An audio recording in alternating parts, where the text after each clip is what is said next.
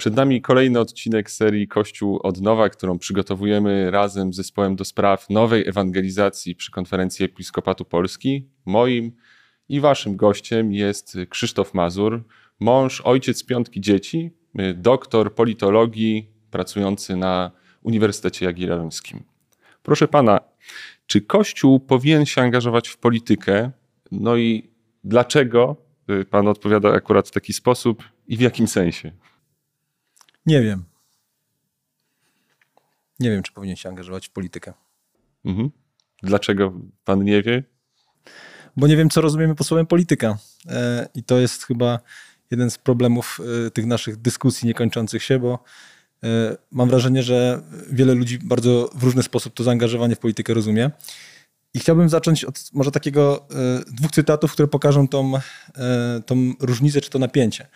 Pierwszy cytat, który przyszedł mi do głowy, jak przygotowałem się do tego spotkania, to jest cytat polityka e, z Polski, który na pytanie o to, czy jego partia e, powinna e, czuć się spadkobiercą dziedzictwa Jana Pawła II, odpowiedział, że takie pytanie i takie stawianie sprawy to jest profanacja, ponieważ Jan Paweł II to jest, czy był przedstawiciel Chrystusa na ziemi.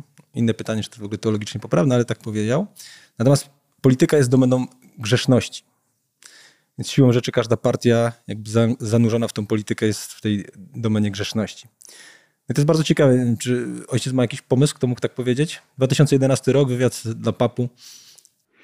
Nawet nie będę strzelał, bo to. Może być to jednak zaskakujące dla wielu y, naszych tutaj widzów y, słuchających tę rozmowę, czy, czy, czy, słuchaczy na podcaście, bo to powiedział Jarosław Kaczyński. Y, I to jest jakby jeden element. Dlaczego go przywołuję? Dlatego, że uważam, że Kaczyński bardzo cenię jego intelektualną taką precyzję niektórych wypowiedzi i tutaj rzeczywiście chyba nazwał coś, co nie tylko myślę, że po prawej stronie sceny politycznej, ale myślę, że wszyscy politycy i nie tylko w Polsce i za granicą, gdybyś zapytać ich o to, czy polityka jest domeną grzeszności, to myślę, że by się pod tym podpisali. Myślę, że także my byśmy się pod tym podpisali. House of Cards, najlepszy przykład popkulturowy, że dokładnie tak myślimy o polityce. Gdyby ktoś potrzebował akademickiego wywodu na ten temat, to pewnie można byłoby od Machiavellego pokazać, yy, kończąc gdzieś tam na XX wieku, Maxie Weberze, który mówił, że właśnie odczarowaliśmy politykę. Polityka jest wolna od pewnej metafizyki. Yy, tutaj liczy się gra o władzę jest ona zanurzona w grzeszności i trudno mówić o pewnych wzniosłych ideałach moralnych. Prawda? I to jest jakby taki jeden, jeden sposób myślenia. Natomiast cytat ten chciałbym zderzyć z drugim cytatem, który podchodzi, już nie będę za, zadawał tego pytania, ale pochodzi z adhortacji Jana Pawła II na dwudziestolecie po Soborze Watykańskim II, który właśnie podejmował w tej adhortacji temat aktualności nauczania Soboru, czyli tego, o czym rozmawiamy, e, na temat e, roli świeckich w świecie. I on mówi tam e, mniej więcej takie słowa, że nie tylko mamy prawo jako katolicy wierzący, ale obowiązek udziału w polityce. To jest obowiązek każdego z nas. I jest tam taki cały pasus o tym, że wszystkie opinie na temat tego, że polityka to jest domena niemoralnych zasad, kolesiostwa, korupcji, kłamstwa itd., tak itd., tak nie zwalnia nas z tego, żebyśmy bez sceptycyzmu e, znaczy z, z, przesadnego sceptycyzmu, tak? Nie powinniśmy z przesadnym sceptycyzmem podchodzić do polityki i nie zwalnia nas z tego, żebyśmy w niej byli aktywnie zaangażowani. I cała ta dyskusja, którą tutaj będziemy mieli, ona jest pomiędzy taką praktyką tego polityka, który mówi, to jest domena grzeszności, a prawda, Kościołem czy Janem Pawłem II, który mówi, każdy z nas ma w tą domenę grzeszności wchodzi, to jest nasz obowiązek, moralny obowiązek. Ja uważam, że to jest wcale nieoczywiste, jak sobie z tym dylematem poradzić. I dlatego te dyskusje o tym, czy Kościół powinien angażować się w politykę, czy nie, tak naprawdę sprowadzają się do tego, ale o czym, o, co, o czym właściwie rozmawiamy? No właśnie. Wobec tego, o czym rozmawiamy, czym jest polityka, jak chciałby ją pan dzisiaj zdefiniować? No właśnie. I teraz y, to jest y, widoczne w tym napięciu, bo kiedy zadałem to pytanie jednemu chyba nawet doktorowi teologii, y, bardzo wybitnemu księdzu, jak rozumieć to napięcie między tą, tym zdaniem i tym zdaniem, on powiedział, no prosty sposób, no bo przecież Kaczyński mówi o nowożytnej koncepcji polityki, a Jan Paweł II odwołuje się do starożytnej koncepcji polityki. Nie robimy tu jakiegoś wywodu historycznego, natomiast to jest taka mniej więcej odpowiedź, która mówi no w starożytności i potem jeszcze w Christianitas, jak y, w średniowieczu, no to wiadomo było, że są pewne moralne zasady polityki. Oczywiście umówmy się, jakby one były deklarowane, bo wiadomo, tam, nie wiem, Tukidydesa, jak się poczyta, czy e, historyków Cesarstwa Rzymskiego, czy historyków Kościoła, to wiadomo było, że także w tamtych czasach ta polityka miała też ten wymiar grzeszny. Natomiast wiadomo było też to, że jednak jakby publicznie głosimy, że ona ma pewien swój ideał, Arystoteles, Platon, inni, prawda, mówili o, o, pewnym, o pewnym ideale życia politycznego. To, co się zmieniło, to się zmieniło to, że jakby już przestaliśmy w nowożytności mieć złudzenia. W pewien sposób można powiedzieć, nie jesteśmy już hipokrytami. Wiemy, że w polityce, w praktyce chodzi o walkę o władzę, a nie o te wzniosłe hasła, które się, które się gdzieś tam e, głosi, prawda? Więc jakby to byłaby taka odpowiedź. Tylko, że znowu fajna odpowiedź pod tytułem tu jest coś nowożytnego, tu jest coś bardziej starożytnego. Jan Paweł II nam w ten sposób mówi, nie odchodźmy od tych ideałów w nowożytności, nawiązujmy do niej, nawet jeżeli one są trudne do zrealizowania. No tylko ja wtedy mam pytanie, e, pytanie proste, jak? No i teraz, jakbyśmy mieli sobie zadać to pytanie, czyli jakby pierwsza taka, taka odpowiedź, dlaczego jest takie zamieszanie wokół tego słowa, no to właśnie dlatego, że można myśleć o tym w taki sposób bardzo starożytny, tradycyjny, bardziej nowożytny, gra o władzę i, i ten. No i teraz jakby jak sobie z tym poradzić? Wydaje mi się, że tutaj chciałem narysować cztery odpowiedzi, które współcześni katolicy próbują sobie z tym napięciem w jakiś sposób, y, udzielając tych odpowiedzi, poradzić. I pierwsza odpowiedź jest taka, że po prostu bardzo wielu katolików w Polsce mówi, skoro z tym jest takie duże zamieszanie, i skoro widzimy, że jednak chyba więcej jest tej grzeszności, tej nowożytności niż tej ideału, o którym mówi Jan Paweł II, to po prostu się wycofujemy z tej sfery. I e, to jest taka postawa, która mówi, e, ta sfera jest e, domeną złych mocy, a my próbując budować Kościół, powinniśmy być jakby od niej zdystansowani. I muszę powiedzieć, że ja w wielu, w wielu może przesadziłem, ale w dwóch przynajmniej, bo, bo, bo w dwóch wspólnotach miałem okazję e, być z moją żoną, widzę, że to jest tak naprawdę w jakimś sensie dobra strategia do jakiegoś momentu. W tym sensie, że w jednej i w drugiej wspólnocie, w której byliśmy, e, była takie niewyartykułowana e, zasada, że tutaj jest kerygmat, tu rozmawiamy o Jezusie, tu rozmawiamy o doświadczeniu wiary w codzienności i sfery polityczną jakby nie dotykamy, bo moglibyśmy się niepotrzebnie pokłócić, podzielić. E, widzimy z praktyk innych e, duszpasterstw, gdzie, gdzie jeżeli jest zbyt dużo tej polityki, to tak naprawdę gdzieś ten Jezus jest na miejscu drugim. Więc tak naprawdę wydaje mi się, że to ma jakiś sens, taka, taka postawa takiego dystansu. E, mało tego, e, to jest e, też taka postawa, która w jakimś sensie jest ewangeliczna. Odwołuję się tutaj, bo to może być kontrowersyjne, ale odwołuję się tutaj do takiej, do takiej tezy e, Benedykta XVI, wtedy jeszcze Ratzingera w 1985 roku. On opublikował taki esej Sumienie w dziejach, gdzie właśnie zastanawiał się nad tymi relacjami między polityką i, i, i katolicyzmem. I on powiedział coś takiego, rzeczywiście ci ludzie, którzy sięgają po Ewangelię i szukają tam prostej odpowiedzi na pytanie, jak katolik ma być zaangażowany w politykę, mogą się czuć rozczarowani, i używa tam takiego określenia bardzo, moim zdaniem, precyzyjnego i bardzo fajnego pod tytułem dużo w Ewangelii jest takiej postawy, e, postawy mm, powiedzmy e, apolitycznego introwertyzmu. Czyli, że Jezus nie był wcale rewolucjonistą, tam wprost on polemizuje z takimi interpretacjami, który chciał dokonać pewnej jego zmiany politycznej, tylko kładł nacisk na tą relację twoją, wspólnoty z horyzontalną, z Bogiem i, i pomiędzy ludźmi, ale ona jest w pewien sposób nastawiona na ciebie, jest apolityczna i dlatego ta pierwsza ścieżka, którą tu rysuję, pewnego dystansu, ona czerpie też wiele z takiej właśnie postawy ewangelicznej, apolitycznego introwertyzmu. No ale z kolei Sobór Watykański nam drugi mówi, że to jest nasz obowiązek. Więc czujemy, że to, co tutaj Ratzinger nam robi, co w tej praktyce jest, y, co ja doświadczyłem i co Ratzinger nam proponuje, w jakimś sensie nie realizuje w pełni tego, co y, Sobór nam, y, nam głosi. Mhm. No to y, jakie są inne odpowiedzi, jeżeli nie właśnie ten taki nie wiem, nawet bym powiedział eskapizm yy, polityczny. No, druga odpowiedź jest taka i przez lata ona była w jakimś sensie też mi bardzo bliska. E, ojciec Maciej Zięba, nieżyjący, były prowincjał e, Dominikanów, którego w jakimś sensie jestem wychowankiem, wiele o tym mówił. Znaczy, że Kościół nie może popadać w ten eskapizm, tylko musi być obecny, ale nie w polityce, tylko w metapolityce. I popularyzował to pojęcie metapolityki. Jaka byłaby różnica? Różnica byłaby taka, że polityka to jest ta walka o władzę, a metapolityka to jest pewnego rodzaju aksjo, y, aksjologiczny fundament, z którego wszystko wyrasta, łącznie z prawem, z konstytucją, z ustrojem. No i tutaj Kościół ma swoją wizję antropologiczną, musi walczyć o, tą, o ten fundament metapolityczny, natomiast nie może przekraczać tej granicy, kiedy zaczyna już mówić, dobra, na tego polityka głosujmy albo na tamtego, albo tą ustawę popierajmy, albo inną, prawda? Czyli jest jakby takim strażnikiem tej metapolityki. No tylko z kolei z tym rozwiązaniem wielki problem jest taki, że ono było e, charakterystyczne dla takiej epoki, powiedzmy, no, kiedy Kościół miał pewien monopol na bycie takim zwornikiem wspólnoty politycznej i ustanawiającym takie reguły, reguły tej gry. Myślę, że taki monopol był mniej więcej od, od momentu, kiedy gdzieś tam w starożytności chrześcijaństwo zostało oficjalną religią Rzymu, aż można pewnie sięgnąć po XVI wiek, czyli ten traktat augsburski, gdzie padła ta słynna fraza, czyja władza te, tego religia, tak? No to wtedy się nagle okazało, że nie, no religia już nie jest jedna wspólna i Kościół tutaj nie dominuje, to polityka zaczyna w jakimś sensie mieć tą rolę nadrzędną. Ktoś inny może powiedzieć, że to trochę się wydarzyło później, 100 lat później, tam nie, nie jest to istotne, natomiast jest to dawno, tak?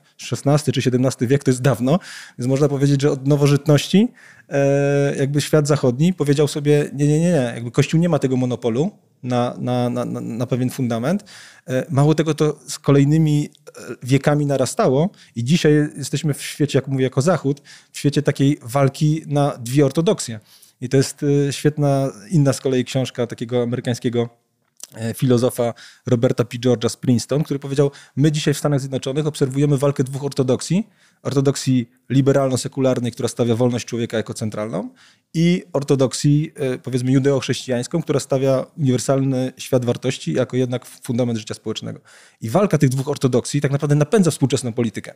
Czyli mówiąc e, inaczej, jakby to, co, to, co uczył ojciec Zięba e, o tej metapolityce, już nie jest aktualne, ponieważ nie można e, nie być traktowanym jako aktywny członek e, tej dyskusji politycznej, kiedy mówi się tylko o metapolityce. Jeżeli dzisiaj ktoś powie, no walczymy przeciwko aborcji, no to wiadomo jest, że w tych najbliższych wyborach, które się zbliżają, jest jeden blok, który mówi aborcja do 12 tygodnia dozwolona, a druga mówi nie. Tak? Więc jakby to, to jest taki wytrych, że nie mówimy o metapolityce, bo wszyscy wiedzą, że i tak się opisujemy w tym świecie, który się po prostu bardzo podzielił i, i jakby już tego fundamentu nie ma. Może jeszcze jedna taka dygresja historyczna, bo to też jest istotne. W Polsce nam to trudno przyjąć, że tego świata, w którym Kościół jest fundamentem, już nie ma, bo my nie przeżyliśmy tego w XVI wieku e, czy w XVII, my to przeżyliśmy po 2005 roku bardzo późno. Dlaczego tak późno to przeżyliśmy? Dlatego, że mamy trochę inną historię niż e, powiedzmy ten stary zachód Europy. Znaczy my mamy taką historię, w której e, w XIX wieku nie było polskiego państwa, więc tak naprawdę Kościół katolicki stał się fundamentem do e, redefinicji na nowo pewnej tożsamości narodowej. To Michał Łuczewski świetnie opisuje w swoich pracach, że tak naprawdę pod koniec XIX wieku my musieliśmy zredefiniować polskość, dlatego że nie mieliśmy państwa. E, I wcześniej polskość polegała na tym, że e, prawda, czy tam pierwszy, pierwszej RP obywatelem Polski był, był szlachcic i, i 90% ludzi było z tego wyłączona. Więc to, co się wydarzyło pod koniec XIX wieku, to to, żeby chłopów i klasy ludowe włączyć do polskości, powiedzieliśmy im, że katolicyzm jest fundamentem polskości. I to zostało przyjęte pod koniec XIX wieku jako pewnego rodzaju paradygmat, w którym myśmy w XX wiek weszli. A potem mieliśmy dwa totalitaryzmy, a potem mieliśmy komunizm i w komunizmie to Wyszyński ze swoją teologią narodu był fundamentem, E, a potem Jan Paweł II jako niekoronowany król Polski. Tak? I to wszystko było tak naprawdę, są fakty, tak? Znaczy, że, że my, e, no, prosty, prosty fakt, no, żyjemy w trzeciej RP, ta trzecia RP bierze się z układów okrągłostołowych. Po jednej stronie był OPZPR, po drugiej stronie była Solidarność. A kto był gwarantem tych, tych układów? No tych takich, często już na zdjęciach niewidocznych, dwóch czy trzech reprezentantów y, nomen omen y, Episkopatu Polski, którzy był tak naprawdę nie stroną, tylko gwarantem, że te dwie strony się ze sobą dogadają i że trzecia RP powstanie na, na gruncie okrągłego stołu. To pokazuje, że Kościół tak naprawdę, wchodząc w trzecią RP, cały czas był tym gwarantem, coś, co zostało odrzucone w, na, na zachodzie w XVI czy w XVII wieku.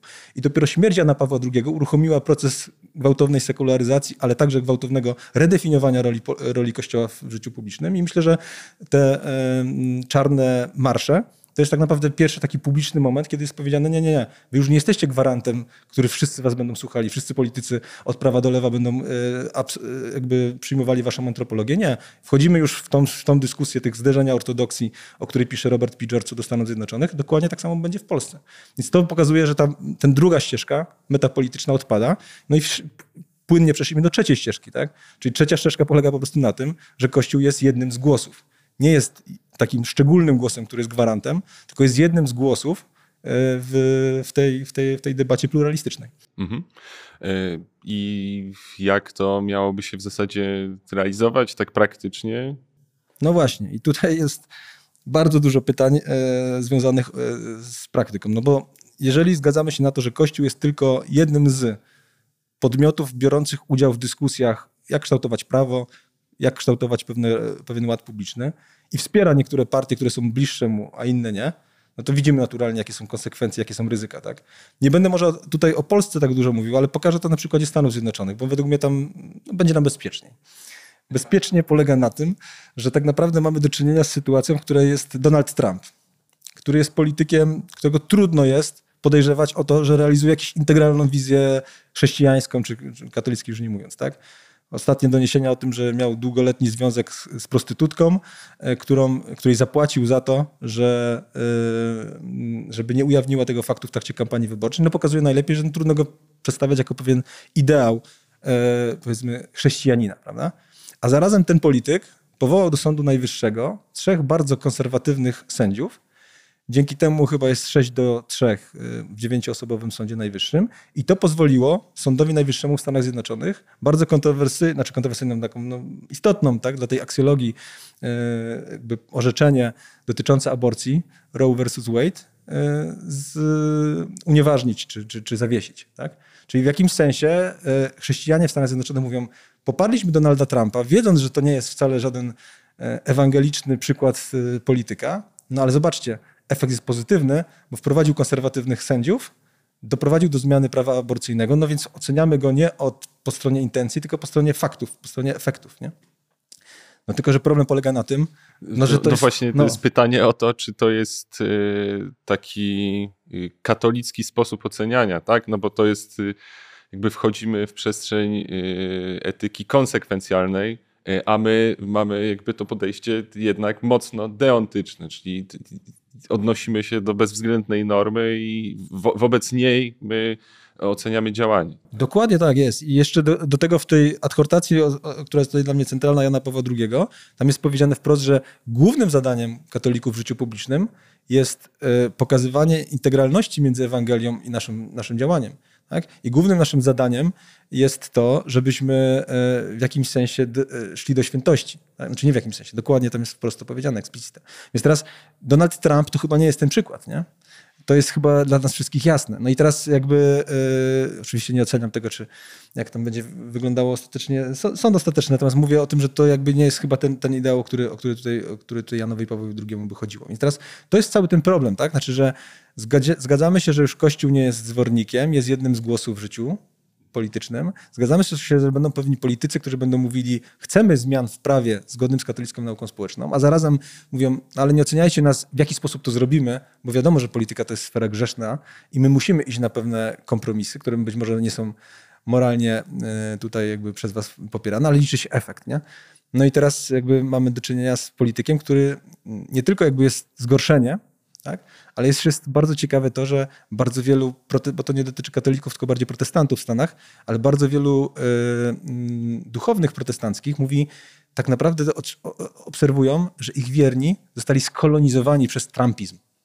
Skolonizowani przez trumpizm w tym sensie, że jak ktoś zaczyna mówić, nie, ale z tym Trumpem to nie jest wszystko ok, to oni mówią, nie, to jest y, jakby jest tu kontra, tak? Jest kontra między wiernymi, którzy jakby powiedzieli, no skoro on dokonał dobrych zmian w prawie, no to też musimy bronić jego tam, nie wiem, mm, marszu na Kapitol, czy tego, że chciał y, wywrócić, nie wiem, wybory prezydenckie, nie? Mhm. Czyli to... to... To, pokazuje, że tak naprawdę, do, do, przepraszam, jedno zdanie, że to dokonuje tylko jakby pewnej kolonizacji, że ten sojusz dla pewnych konkretnych spraw z perspektywy polityki bardzo często on, ona zawłaszcza dużo więcej. Mhm. Y, pan mówi o y, kolonizacji, a czy to nie jest tak, że tutaj dokonuje się takie przyjmowanie pakietowo no tak, y, pewnych tak, rozwiązań? Tak, dokładnie tak jest. Nie? W innych sprawach musicie milczeć, bo my wam załatwimy tą i tą, tą kwestię. No i teraz tak naprawdę jakby ludzie, którzy są dalej od kościoła albo mają jakieś wątpliwości, mówią, no to jest, to jest tylko i wyłącznie pewnego rodzaju deal tak? Deal, który robimy, robicie w imię załatwiania jakichś e, e, zmian w prawie, a tak naprawdę kogoś, kto jest bardzo daleki od tych ideałów, e, cicho lub wprost popieracie. No i myślę, że jakby to jest oczywiste, że wiele ludzi, którzy dzisiaj krytykuje Kościół, te mechanizmy, które opisuję, może powiedzieć, no właśnie, my też mamy taką wątpliwość, że Kościół popiera dzisiaj Zjednoczoną Prawicę, która jest u władzy, bo widzi pewne pozytywne zmiany i one rzeczywiście być może wypływają z antropologii katolickiej, ale jest też wiele innych rzeczy, które są z tym niezgodne i, i tutaj już milczy. Tak? Tu już Kościół milczy, dlatego że rozumie to, tą grzeszność tej, tej polityki jakby nie patrzy, nie patrzy polityką na rękę. Jeszcze może tutaj istotne jest to, że mówimy tak z poziomu makro. A dla mnie ten, e, te, to napięcie też bardzo widać w przypadku konkretnych polityków.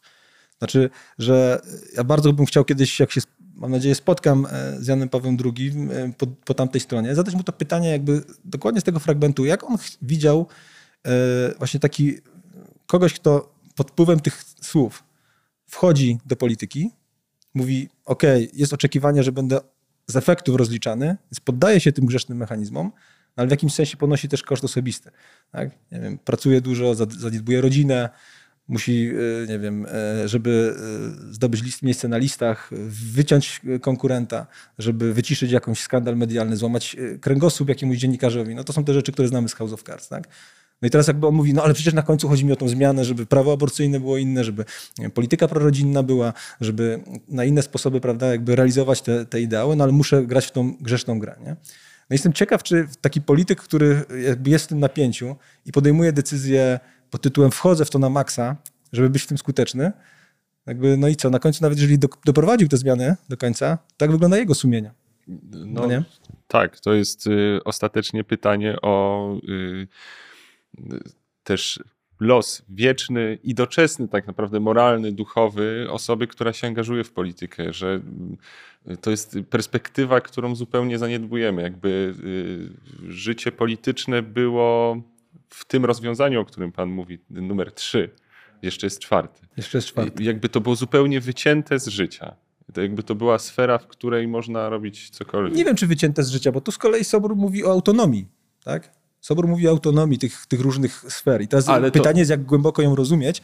I być mówi może... o słusznej autonomii rzeczy doczesnych. Ona się kończy w, w, pewnym momencie. No właśnie. I to jest bardzo dobrze, w którymś momencie się kończy, bo to jest dokładnie taki moment, że gdzieś w sumieniu tego polityka, on zanurzając się w tą grzeszną sferę, musi powiedzieć, ok, a gdzie są moje granice, których nie przekroczę? To trochę tak wygląda, jakby Kościół wypuszczał tych e, polityków, e, jak się nurków głębinowych wypuszcza, albo kosmonautów w kosmos, nie? Jakby jest to misja bardzo ryzykowna. Misja w jedną stronę. No właśnie, ale żeby nie była misją w jedną stronę, to musi być jakiś moment, gdzie jest wyraźnie czerwona lampka, która się zapala pod tytułem wracamy.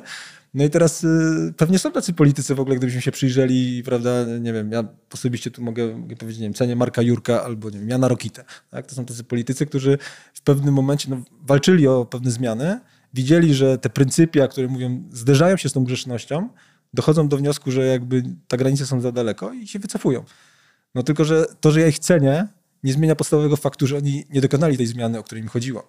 Tak? Czyli trochę to jest tak, że jakby zgadzając się na to bycie tym nurkiem głębinowym albo tym kosmonautą, trochę trzymając się tej metafory, zgadzamy się na to, że właściwie y, jeżeli to jest tylko do pewnego stopnia i są granice tego sumienia, co chyba jest prawdą, no to po prostu ci politycy, być może e, mający ideały katolickie w sercu, e, nie osiągają nigdy tych najwyższych laurów i to nie oni realnie zmieniają ostatecznie tą rzeczywistość e, doczesną. Tak? Tą rzeczywistość doczesną zmieniają ci, którzy mówią, pozbawiamy się tych, tych granic i wchodzimy w to na maksa.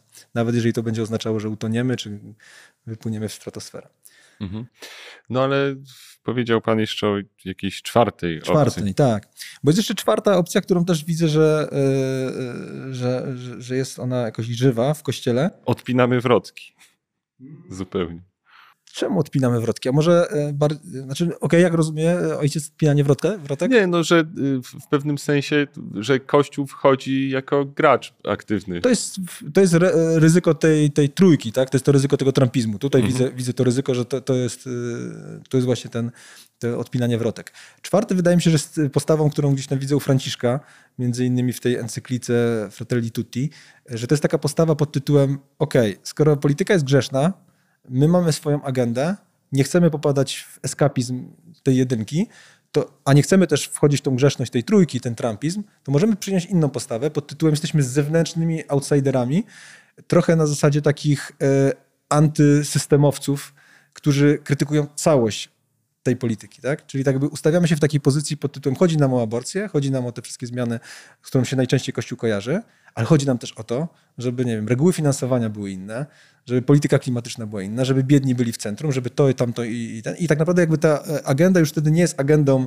wąską, światopoglądową i Kościół nie się wpisuje w wojnę dwóch, e, dwóch tych ortodoksji, tylko tak naprawdę trochę staje z boku i jakby krytykuje całą nowożytną politykę w jej właśnie zepsuciu.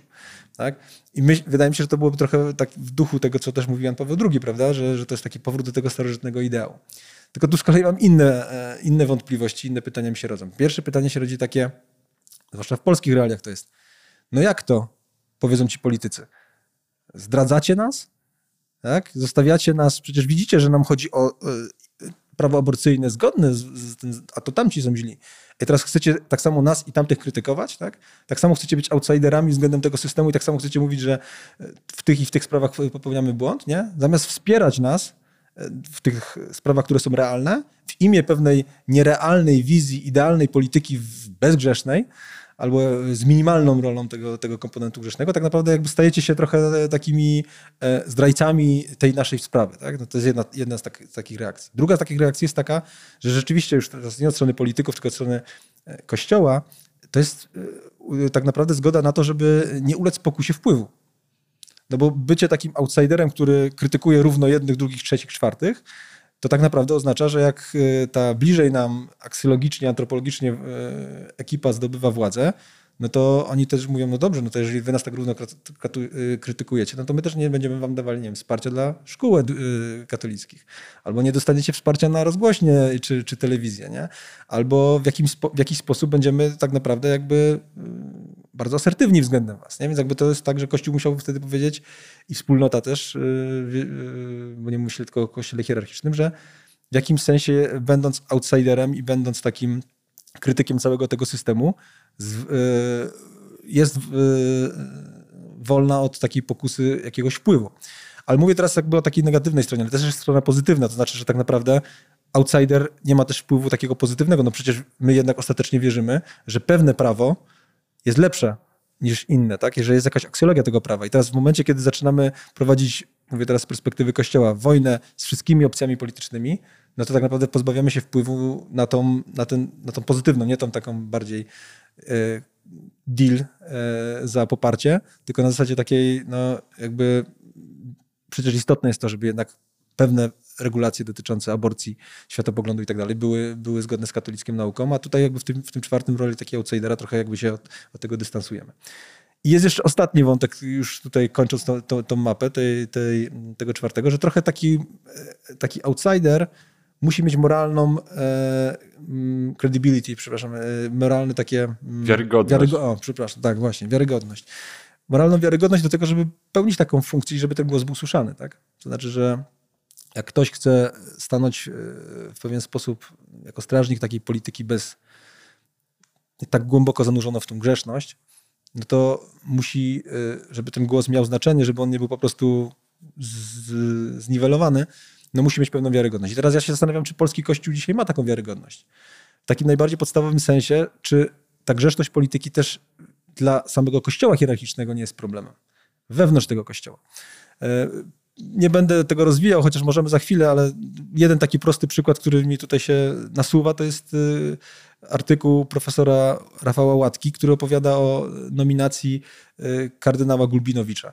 Dzisiaj już wiemy z archiwów, że tak naprawdę ona była mocno inspirowana przez Służbę Bezpieczeństwa, że tak naprawdę państwo perelowskie miało tutaj bezpośredni wpływ i że tak naprawdę Gulbinowicz wszedł w rolę właśnie tej grzesznej polityki, dogadywania się co do pewnej współpracy w imię tego, że ktoś będzie popierał, popierał jego awans, a potem za nim poszło wielu innych biskupów, których dzisiaj Stolica Apostolska tak akurat się złożyło na różne sposoby, tak naprawdę czy pośmiertnie, czy, czy za życia E, pozbawiła urzędów i, e, i oceniła negatywnie ich działania, także w kontekście pedofil, e, afer pedofilskich. Tak? Czyli widzimy, że Kościół hierarchiczny dzisiaj w Polsce ma problem z wiarygodnością, czy on zbyt mocno nie został uwikłany sam w taką po prostu bieżącą politykę dotyczącą nominacji biskupów, księży i to oznacza, że taka idea Franciszka, który trochę w, w, z, tej, z tej wspomnianej encykliki wy, wy, ja, ja wyczytuję, tak? To znaczy, że bądźcie takim znakiem sprzeciwu wobec wszystkich, no chyba to nie jest takie proste, żeby dzisiaj być słyszanym znakiem sprzeciwu wobec takich problemów politycznych, jakie się ma wewnątrz.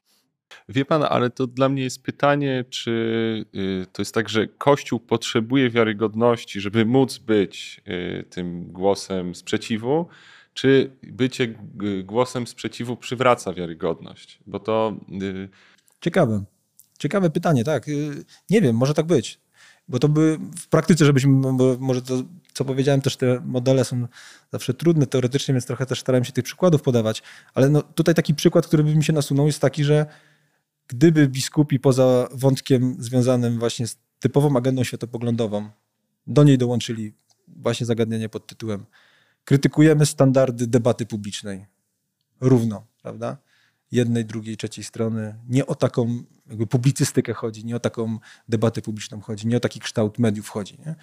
Gdyby krytykowali sposób finansowania partii politycznych, który jest uniwersalnym problemem, szara strefa i, i tak dalej, i tak dalej. Gdyby krytykowali, e, nie wiem, albo mieli pozytywny program polityki mieszkaniowej, gigantyczny problem, e, zwłaszcza młodych ludzi. Gdyby mieli pozytywny pro, e, program ekologiczny, ale nie w takim sensie polityki klimatycznej Unii Europejskiej, tylko nie wiem, otwartych, przepraszam, że teraz tak zejdę na taki duży, duży, duży, dużą prozę życia, ale śmieci w lasach albo otwarte szamba na wsi. Nie? Gdzie tak naprawdę to jest gigantyczny problem, że wielu ludzi po prostu mając, mając szamba nie, nie wywozi je tylko do grunt, wód gruntowych. Nie? To to wszystko jest dobro wspólne, tak? Mieszkania są dobrem wspólnym, standardy debaty publicznej są dobrem wspólnym, lasy są dobrem wspólnym, e, te szamba są dobrem wspólnym. No i wtedy tak, taki kościół, który głosił jakby, że o to mu chodzi w życiu szeroko rozumianym politycznym. O ten katalog spraw i rozszerza, nie to chodzi tylko o sprawy światopoglądowe, ale chodzi dużo szerzej o pewien standard e, życia publicznego i nieważne kto rządzi, prawa czy lewa strona, to my tak samo jesteśmy obrońcami tych standardów, tak, być może to byłby powrót do pewnej wiarygodności. No, y, zastanawiam się, czy to właśnie nie jest taki nowy, stary metapoziom, no bo pan odwołuje się do dobra wspólnego i w pewnym sensie to jest jakby takie nawet y, etymologiczne znaczenie y, słowa polityka, czyli nie wiem, jakaś sztuka życia we wspólnocie.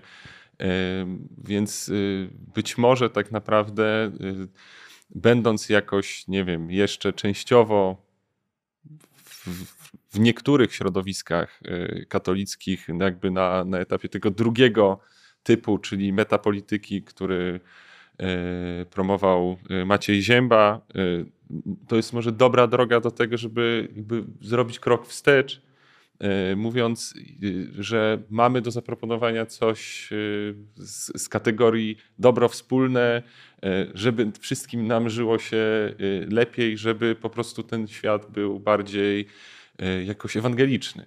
Tak. No tak, ale to proszę teraz zwrócić uwagę na to, że ja podając ten katalog tych takich tematów, powiedzmy bardziej nowych do agendy, jakby nie, e, nie rozstrzygnęliśmy podstawowego zagadnienia pod tytułem, no dobrze, ale co z tymi, co z tymi e, zagadnieniami, które są kościem niezgody dzisiaj?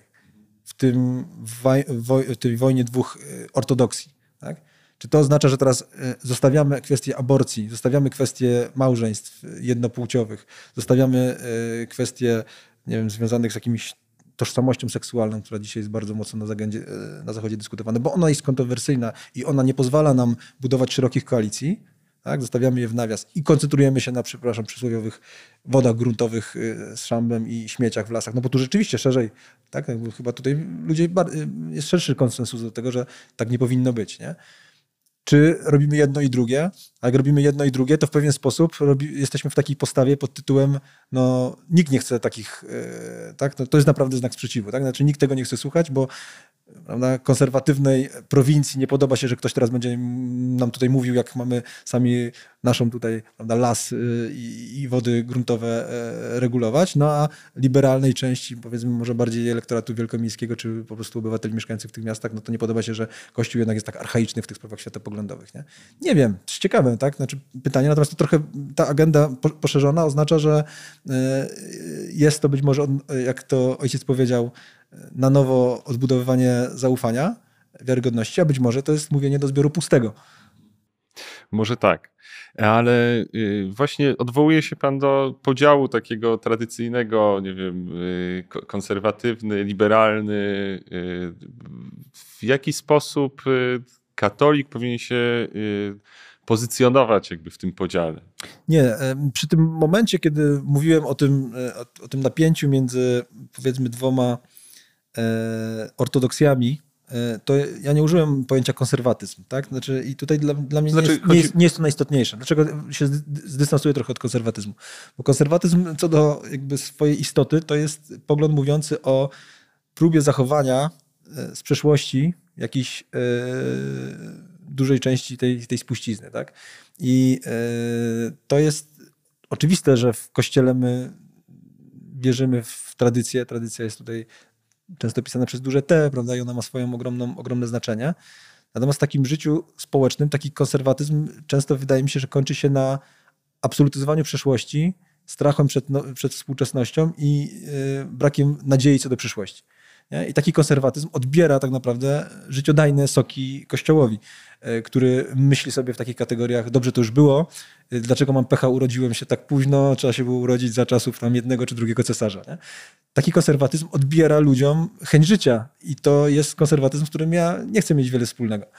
Natomiast y, spór jest realny i spór bym nie nazwał konserwatyzm versus liberalizm, tylko tak jak powiedział to ten amerykański filozof, na którego się powołałem, to jest po prostu spór między dwoma wizją świata. Tak? Jest jedna wizja świata, w której mówimy sobie coś takiego. Nie jesteśmy w stanie się dogadać co do tego, jak wygląda ten świat wartości. Po prostu próbowaliśmy już kilka tysięcy lat i nie jesteśmy. Więc jedyne, co możemy zrobić, to ustanowić sobie wolność negatywną, czyli to, że każdy z nas może sam decydować za siebie. Tak? I, I sensem życia w ogóle społecznego jest walka cały czas o to, żeby ta sfera indywidualnej autonomii była maksymalnie duża. Nie wtrącaj mi się w sprawę aborcji, nie wtrącaj mi się w sprawy mojej tożsamości seksualnej, nie wtrącaj mi się w sprawy te czy tamte. Nie? Także nie wtrącaj mi się w sprawy szamba i, i lasu. Tak? Mam ochotę, robię tak. Dopóki nikt nie przyjdzie i nie da mi mandatu, to nic ci do tego. Nie? I to jest wizja bardzo zindywidualizowana, oparta, konsekwentna, ma swoją dużą tradycję. Oczywiście można ją nazwać sekularno-liberalną, można ją nazywać na inne sposoby, ale generalnie sens chyba jest zrozumiały. Natomiast druga wizja jest taka, że nie, my jako jednostki nie jesteśmy w stanie być stuprocentowo autonomicznie, ponieważ tak naprawdę rozpoznajemy, że pewne wartości nie my sobie je ustanawiamy, tylko one są jakby czymś, no właśnie, to też jest ciekawa dyskusja filozoficzna, ale czymś istniejącym poza nami, tak? W jakimś sensie są uniwersalne, jest jakiś porządek stworzenia, są jakieś reguły, jest jakieś prawo naturalne, więc my jako jednostki oczywiście potrzebujemy wolności, żeby je realizować w pełni, ale ostatecznie ideałem tym drugim, e, któremu, jak rozumiem, jest e, w kościele, w kościele jest on promowany, no to to jest ideał, w którym po prostu świat wartości ma charakter bardziej obiektywny, e, jest ważna rola autorytetów, jest ważna rola tego, że jest tradycja i właśnie jest ważna rola wspólnoty, żeby nawzajem sobie jakby wspierać się w rozpoznawaniu tych wartości, no i ostatecznie tak naprawdę to nie jednostka jest w centrum, tylko jednak y, jednostka się, mówię już teraz stricte religijnie, podporządkowuje pewnej wizji, w której to Bóg jest w centrum. Prawda? Więc to są dwa zupełnie różne wizje świata. Nie nazwałbym jej tym drugim konserwatywną, tylko po prostu katolicką. Y, no i tak, one rzeczywiście się spotykają potem w takich dyskusjach pod tytułem, no to co zrobimy z prawem do aborcji, co zrobimy z prawem dotyczącym małżeństwa, czy tam y, mniejszości seksualnych i tak dalej. Tak? jakby zostawia... On jest realny, ten spór jest realny po prostu. Nie? Zdecydowanie. Ale zostawiając na boku właśnie te, y, to, to napięcie związane y, z, z, tymi dwiema ortodoksjami, tak? Y, wspominał Pan o przemianie pewnych struktur społecznych, czy takich e, elementów, które sprawiają, że jesteśmy bliżej zła niż dobra. To Sobór zwraca uwagę y, na to, że jest właśnie potrzeba dokonania zmian w życiu gospodarczo-społecznym. Y, dosłownie mówi to w tych słowach oraz powszechnej przemiany mentalności obyczajów. I on mówił o tym w kontekście pewnej, pewnego braku równowagi ekonomicznej i społecznej. I gdzie dzisiaj by Pan widział taki, takie kierunki, gdzie jako osoby wierzące możemy e, działać czynnie e, w tę stronę, żeby e, zmieniać mentalność i obyczaje, tak żeby, nie wiem, ten świat był bardziej ewangeliczny? Ale rozumiem, że teraz pytanie jest stricte, wyłączamy wątek polityczny, tak? bo społeczno, społeczno-ekonomiczny to wydaje mi się, że już trochę rozmawiamy o innych sferach. Mhm. Możemy do nich przejść, tylko to, znaczy, czy to jest intencja ojca, żeby... Żebyśmy... Znaczy, możemy y, jeszcze zostawić na chwilę to pytanie, bo y, znowu y, dokumenty Soboru wymieniają jednym ciurkiem no tak. słowa polityczny, społeczny i gospodarczy. To by po, potwierdzało tą tezę tego księdza, który powiedział mi, że to jest właśnie bardzo starożytne. Mhm. W starożytności nie było takiego rozdzielenia, które my mamy w nowożytności. Nawet widać go w świecie akademickim, prawda? W świecie mhm. akademickim mamy wydział, czy tam instytuty, prawda, zajmujące się politologią, mhm. czy prawem i politologią. Mamy instytut zajmujący się ekonomią i mamy instytut zajmujący się sprawami społecznymi, socjologia i, i tak dalej, prawda? Więc jakby my jesteśmy już dużo bardziej w świecie podzielonym, a tutaj ma ojciec rację, jest y, mówienie tym jednym tchem, trochę jak starożytni o tym myśleli, że jakby całość życia publicznego to jest rozumiane jako polityka, i tutaj mamy zarówno te społeczne, ekonomiczne, jak i polityczne sensu stricte, prawda? No i to jest też jest ten pomieszanie języków, stąd moja odpowiedź na samym początku, że nie wiem, e, no bo nie wiem o, jakim, o jakiej definicji słowa polityka mówimy. No więc y, pytanie brzmi, czy ojca teraz intencją jest przejście do spraw społeczno-gospodarczych? Wydaje mi się, że tak. Tak. No, tutaj nie, jest... nie gwarantuję, że nie wrócę z powrotem Jasne, do polityki. pewnie. E, Tu wydaje mi się być e, szczególnie istotne zagadnienie nierówności. Tak? To, to, to chyba jest rzeczywiście rzecz, która ma charakter społeczno-ekonomiczny, ale bezpośrednio wpływa na politykę. Tak? To też y, dlatego ten powrót będzie naturalny. To znaczy, jest szereg prac y, dyskutowanych, e, ale, e, ale chyba one rzeczywiście się przebijają, że pomimo wszystkich ich mankamentów tam metodologicznych y, mówią pewne, pewną istotną rzecz. O rosnących nierównościach w świecie zachodnim. Mam tu oczywiście na myśli przede wszystkim pracę Piketty'ego Kapitał XXI wieku, gdzie on pokazuje, że całkiem nieźle było do lat 70., ale mniej więcej od lat 70. i w zachodniej Europie i w Stanach Zjednoczonych mamy taką sytuację, w której najbogaci są coraz bogatsi, a ubożeje nam klasa średnia e, i, i, również klasa ludowa. Tak? I to jest rzeczywiście realny problem, dlatego że jeżeli mówimy o kryzysie demokracji liberalnej dzisiaj, no to według wszystkich e, takich tradycji nowożytnych, no to fundamentem demokracji są ludzie z klasy średniej ponieważ muszą być obywatele, którzy dobrze zarabiają, są majętni i oni wtedy nie są klientami władzy politycznej i mogą w miarę tam e, ustanowić optymalny system polityczny. Natomiast w momencie, kiedy mamy sytuację taką, że jest jakaś bardzo wąska 1 czy 10% społeczeństwa, która jest po prostu turbo bogata i 90% ludzi, którzy za chwilę będzie tak naprawdę jeszcze przez AI, czaty GPT i tak dalej wysłana na bezrobocie albo na dochód gwarantowany, no to tak naprawdę będziemy mówili o sytuacji, w której w demokracji 90% z nas będzie wykonywało albo bardzo niskie płatne, płatne prace, albo y, będzie na dochodzie gwarantowanym, który będzie po prostu w jakimś sensie no, wprowadza nas taki mechanizm klientelistyczny, tak? Znaczy to nie jest własną, y, pracą własnych rąk, doprowadzamy do jakiejś tam, nie wiem, jakości własnego życia, tylko tym, że nam po prostu ktoś gwarantuje jakiś tam podstawowy dochód. No i to zmienia, to zmienia absolutnie, to znaczy trudno jest myśleć o tym, że ta demokracja, którą mieliśmy kiedyś, będzie tak samo funkcjonowała w świecie klientelistycznym, bo to w naturalny sposób prowadzi do tego, że różne grupy będą walczyły o to, żeby dostać jak najwięcej. Jest tak naprawdę już cały problem dobra wspólnego, e, no jeszcze, jeszcze bardziej widzimy go tutaj w pewnej, w pewnej rozciągłości, no bo emeryci będą walczyli o 15, 16, 17, młodzi o to, żeby do 26, a może do 30 w ogóle nie płacić podatków, ci wielodzietni o 500, a może 1000 plus, prawda? I widzimy, że tak naprawdę cała koncepcja, że wspólnie w demokracji mamy wybrać optymalny ustrój dla wszystkich, zamienia się w każda grupa musi się tak zorganizować, żeby to ich było na wierzchu, nie? Bo zawsze pieniędzy budżetowych będzie ograniczona liczba, więc tak naprawdę my walczymy o to, żeby jak najwięcej z tego dostać, nie? Jako, jako klienci tej władzy. To wszystko zmienia i to jest gigantyczny problem. Ale mam nadzieję, że ojciec mnie teraz nie pyta, jak z perspektywy ekonomicznej e, problemy e, y, nierówności rozwiązać. Nie, to jest tu, py, py, pytam, turbo trudny problem. Pytam o to, y, co jakby w takim y, życiu praktycznym katolika, który próbuje jakoś odnaleźć się w swojej codzienności społeczno-ekonomicznej, y, można zrobić, żeby y, życie było bardziej y, ewangeliczne. Mhm. Co zrobić, na jakich aspektach się skupić, nie wiem, czego unikać, jak żyć. Ciężko tak przejść z takiego poziomu, rozumiem, Piketty'ego teraz do poziomu takiego indywidualnego. Natomiast e, w takiej dyskusji, bo ja trochę pokazałem tą, tą no, kierunek pod tytułem Państwo nam da, mhm. jako taki, który ma swoje realne no, konsekwencje i on mi się nie podoba. Mhm. Widzę jakby pewne elementy, żeby państwo było aktywne, ale przerost tych elementów doprowadza do, do tych patologii, o których powiedziałem. I tak naprawdę mi najbliższa jest taka wizja, w której e, jednak ostatecznie, mówi się, pieniądze szczęścia nie dają, ale tak naprawdę te pieniądze e, są jakiegoś rodzaju fundamentem e, bezpieczeństwa i wolałbym wizję, w której wszyscy pracujący w prywatnym teraz sektorze, bo do niego przejdę, e, bardziej e, egalitarnie partycypują w zyskach, niż e, pracownicy są coraz gorzej opłacani, a do tego mamy, mamy prawda, socjal, który nam to ma zrekompensować. Czyli ja uważam, że lepszy jest taki model, w którym, mówię teraz na takim dużym poziomie ogólności, w którym to po prostu pracownicy stają się współudziałowcami w firmach. Mhm współudziałowcami w firmach, czyli nie partycypują tylko przez swoją pracę i przez swoje pensje, ale też przez to, że stają się ich współwłaścicielami, nawet jeżeli to jest pół procenta czy procent.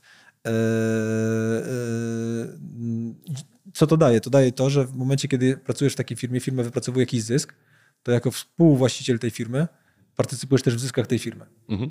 I taki model bardzo mi się podoba. On się oczywiście nazywa tam e, ESOP e, z, z, angielska, prawda, bo to są te plany pracownicze, gdzie po prostu angażując pracownika, zwłaszcza kluczowego, dajesz mu w toku kariery jego w danej firmie kolejny jakiś procent udziałów.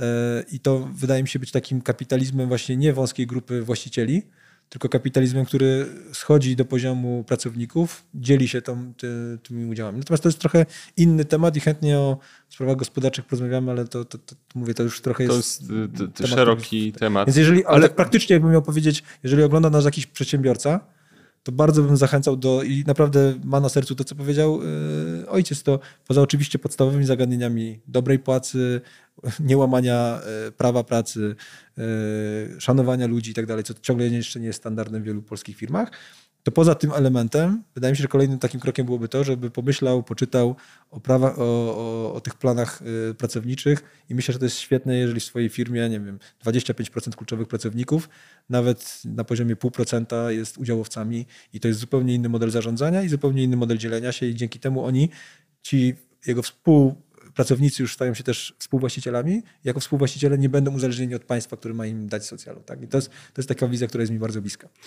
Okej, okay, to y, może wracając trochę do tematów związanych y, z polityką, a jednak bliskich Ewangelii. Y, Gaudium et Spes mocno podkreśla szacunek i miłość do osób, które inaczej myślą, czy nie wiem, mają po prostu zwyczajnie jakoś odrębne, odrębną wizję świata od od, od nas, tak? I tu nie chodzi nawet o, o osoby, które y, są po całkiem innej y, stronie y, jakby sporu, tam nie wiem, światopoglądowego, tylko innych katolików, którzy kierując się, nie wiem, rozumem, swoim sumieniem, oceniają radykalnie inaczej rzeczywistość, tak? I jak pan sądzi, czy jest możliwe, żeby w naszej rzeczywistości dzisiaj e, bardziej e, szanować e, siebie nawzajem, jakby w, w, w, w tych różnicach, które, które no, nosimy. Tak. To jest super ciekawy temat, bo mm, on tak naprawdę dotyka kwestii ekumenizmu. Ja kiedyś myślałem, że ekumenizm to jest no tak klasycznie definiowany, to jest dyskusja pomiędzy różnymi e, wyznaniami, e, czy dyskusja, jakiś dialog, prawda, i jakby próba szukania jedności. A tak naprawdę my tego ekumenizmu potrzebujemy wewnątrz Kościoła. Najbardziej mi to uświadomiła e, taka inicjatywa, chyba dwie nawet. Jeden to jest Tomek Samołyk, który w pewnym momencie zaczął spotykać się z przedstawicielami różnych nurtów w Kościele i widać było, jak ta dyskusja jest potrzebna a z drugiej strony e, Karol Sobczyk tutaj z, e, z, Krakowa z Głosu na Pustyni, który też właśnie zaczął od takiego dyskusji pod tytułem Katolicy a protestanci, a potem się okazało, że jest bardzo wiele tak naprawdę historii ran zadawanych wewnątrz kościoła, wspólnota ze wspólnotą, z biskupem i tak dalej. Więc tak naprawdę my tego ekumenizmu, czyli otwartości na inność bardzo potrzebujemy na, na podstawie, na takiej podstawowej poziomie wewnątrz kościoła. E, więc w 100% zgoda i w 100% zgoda, że to jest ogromny problem. Tylko on e, wynika z tego, w jakimś sensie tych, tych, tej, tej mapy, którą na początku narysowałem, z takiego, ja to tak przynajmniej odbieram, przekonania, że nie rozumiemy tego, co się dzieje, boimy się przyszłości, więc szukamy tak naprawdę jakiejś enklawy, w której poczujemy się bezpiecznie. I dlatego też ta moja krytyka konserwatyzmu w pewnym momencie właśnie jako takiej enklawy z przeszłości, która co prawda nie pozwala nam być tu i teraz, nie pozwala mieć nadziei co do przyszłości, ale przynajmniej się czujemy tam bezpiecznie. I teraz jak widzimy, że ktoś mówi, nie, nie, nie, od tych rzeczy można już odejść, albo już trzeba odejść, bo one już, już ich nie ma i tak dalej, no to to wywołuje w nas gniew i agresję, bo coś, co jest daje nam bezpieczeństwo, jest przez kogoś krytykowane. I trochę tak e, jakby te napięcia, e, o których tutaj e, ojciec mówi, no to one się moim zdaniem biorą z takiego mm, życia w, życiu w przeszłości.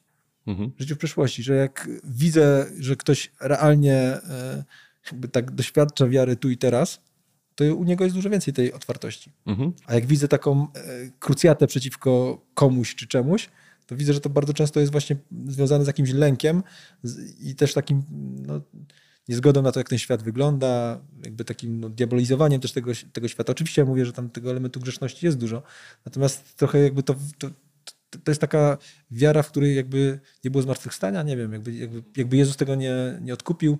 Takie to, to jest taka wiara pod tytułem e, no, gdzieś, gdzieś, gdzieś bez nadziei, nie? Mhm. A jakie... Zresztą Teofil ostatnio, przepraszam, dominikański. Game Over, tak? Tytuł Teofila Game Over, no to ja myślę, od razu oczywiście kupiłem z zainteresowaniem, żeby to przeczytać, ale jak e, w momencie Wielkanocy, prawda, wszyscy przeżywamy, zaraz ma być zesłanie Ducha Świętego, a my tutaj, prawda, Dominik, bracia Dominikanie mówią Game Over. No więc to jest, to jest ten nastrój, tak? To jest ten nastrój, w którym jak jest Game Over, no to my jesteśmy wszyscy, jakby musimy sobie znaleźć jakąś enklawę i, i jak jeszcze nam to odbiorą, to już nic nie będzie, nie? No i dlatego jest ta agresja. E, a jakie ma pan e, rady może dla... Rozumiem, że może pan być nieskory do radzenia, ale e, jakie ma pan rady mimo wszystko dla osób, które gdzieś próbują szukać tej jedności? Jakie, jaki punkt wyjścia musi być do tego, żeby znajdować gdzieś te punkty wspólne? No myślę, że też z tej, z tej opowieści na początku wprost to, na to wskazałem, że we wspólnotach, w których ja byłem, polityka nie była pierwszym elementem, od którego się zaczynało. Krucjata przeciwko tym czy tamtym nie była tym, od czego się zaczynało. Tak? Znaczy, że to jest jednak powrót do czegoś pierwotnego, do kerygmatu, do, do, do, do, do, Pisma Świętego i yy, tego chyba bardzo potrzebujemy. I w momencie, kiedy jakby tak jest ustawiona yy, formacja, tak jest ustawiony sposób przeżywania wiary, tak jest ustawiony też dialog z innymi, to no ja mogę pójść do mszy nawet nie wiem, w takim prawda, trydenckim rycie, czy mogę pójść do e, neokatechumenatu, czy mogę pójść do e, odnowy w Duchu Świętym. To są jakieś praktyki, które e, na różnych sposobach nie są moje, tak? No bo w tym sensie nie praktykuję żadnego z tych trzech typów nie wiem, duch, duchowości czy formacji. Ale jakby w momencie, kiedy się czuję tam obco, no to albo coś ze mną, albo z tą wspólnotą jest nie tak. W momencie, kiedy się tam czuję, pomimo tych różnic, u siebie, wszystko jest okej. Okay. I wydaje mi się, że tutaj ten podstawowy element to jest, y, co jest w centrum. Czy w centrum jest świat, zdefiniowanie siebie też w jakimś sensie polityczne, walczymy z tymi, tu zaraz będzie seksualizacja w przedszkolach, tu to, tu tamto, prawda? I te wszystkie, teraz trzeba zrobić akcję różańcową przeciwko tamtym, no to takie wszystkie ruchy, które stawiają w centrum problem tego świata i musimy z nim walczyć, mniej mnie zachęcają do dołączenia się, bardziej takie, które mówią o, o tym doświadczeniu wiary i o kerygmacie. Czyli jednak pan sugeruje, że tak, taką odpowiedzią na, na to, jak y, być ze sobą pomimo różnic, y, nie wiem, takich politycznych jako katolicy, y, to jest po prostu nie rozmawiać o tym. Nie stawiać tego jako centralnego zagadnienia. Mhm, rozumiem. I jakby wracając y, znowu do kwestii zaangażowania poszczególnych y, osób w politykę, to da się tak uprawiać politykę, żeby się nie pobrudzić? No tak jak powiedziałem, w tej, w, podając też te przykłady, no, do pewnego stopnia. Mhm. Do pewnego stopnia i yy, to jest chyba tak, że to sumienie ostatecznie decyduje, gdzie ten stopień jest. I to jest ten genialny esej o, o sumieniu w historii, że no, Ratzinger, którego przywołałem, właśnie autor tego, tego eseju, mówi Karol V. Karol V, który był cesarzem, być może jednego z największych cesarstw w dziejach świata. Od Olkusza po Machu Picchu, tak? E, e, zabdykował. Abdykował, dlatego że zrozumiał, że polityka, nawet wtedy, kiedy już wchodzi się na ten szczyt, jest się władcą tego wielkiego imperium, to jest cierpienia cierpienie, bo jak jesteś człowiekiem sumienia i widzisz tą odpowiedzialność, widzisz te napięcia, widzisz te różnice, widzisz tą grzeszność, to być może tak naprawdę dla e, niektórych osób jest to po prostu moment, w którym nawet będąc na szczycie abdykuje. I Ratzinger mówi, i to jest zwycięstwo tej katolickiej wizji, tak? Abdykacja. Czyli możliwość powiedzenia władzy nie. Tak? Znaczy możliwość powiedzenia, że e, to, nie, to, to jest ta doczesność versus e, transcendencja, o której też ojciec w pewnym momencie powiedział. Tak, wybieram transcendencję i widzę, że to, co tu i teraz w tym grzeszności tej polityki mnie przerasta, jest jakieś ryzyko dla mojej duszy, jestem gotowy tego, to oddać w imię tego dobra wie, e, wiecznego. I to jest ciekawe, że Ratzinger pokazuje Karola V jako ideał w pewien sposób katolickiego zaangażowania w politykę, ponieważ to jakby wyraźnie pokazuje, że granice, yy, granice są bardzo mocno tu widoczne i że celem nie jest władza sama w sobie. Mhm. Okej, okay. bardzo panu dziękuję za tę rozmowę, za, za, za odpowiedzi na pytania, za, za, za podzielenie się swoją wizją. A czy chciałby Pan jeszcze coś dodać, tak właśnie na koniec, nie wiem, z własnego poruszenia? Teraz? z własnego poruszenia. Ja chciałbym e, tak podzielić się taką też chyba mm, czymś, co mam nadzieję, że wybrzmiało.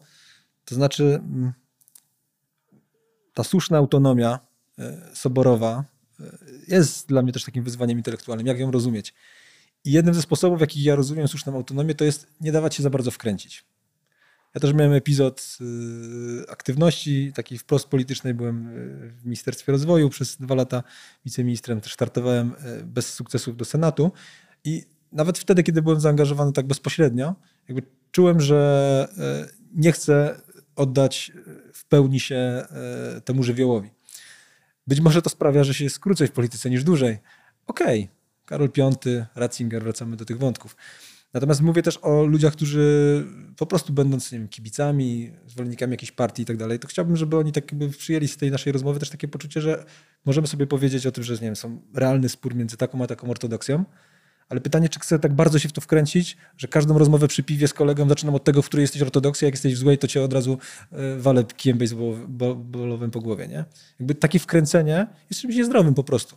I teraz y, ja bardzo sobie cenię ludzi, którzy mają swoje poglądy, są gotowi je głosić, ale mają też do nich dystans, właśnie w takim sensie, że nie są w to tak bardzo wkręceni. I w polityce takich ludzi cenię i ceniłem i, i wśród wyborców i publicystów i, i, chyba tego po prostu bardzo brakuje. I to jest y, coś, co jest taką jakąś, nie wiem, meta. meta, radę mówiąc, ojcem ziębą. Dziękuję panu za rozmowę i do zobaczenia. W kolejnym odcinku serii Kościół od nowa spotkamy się ponownie z księdzem doktorem Krzysztofem Porosło, który odpowie na pytanie o to, po co jest liturgia. Dziękujemy naszym patronkom i patronom. Bez Was ta seria nie mogłaby powstać.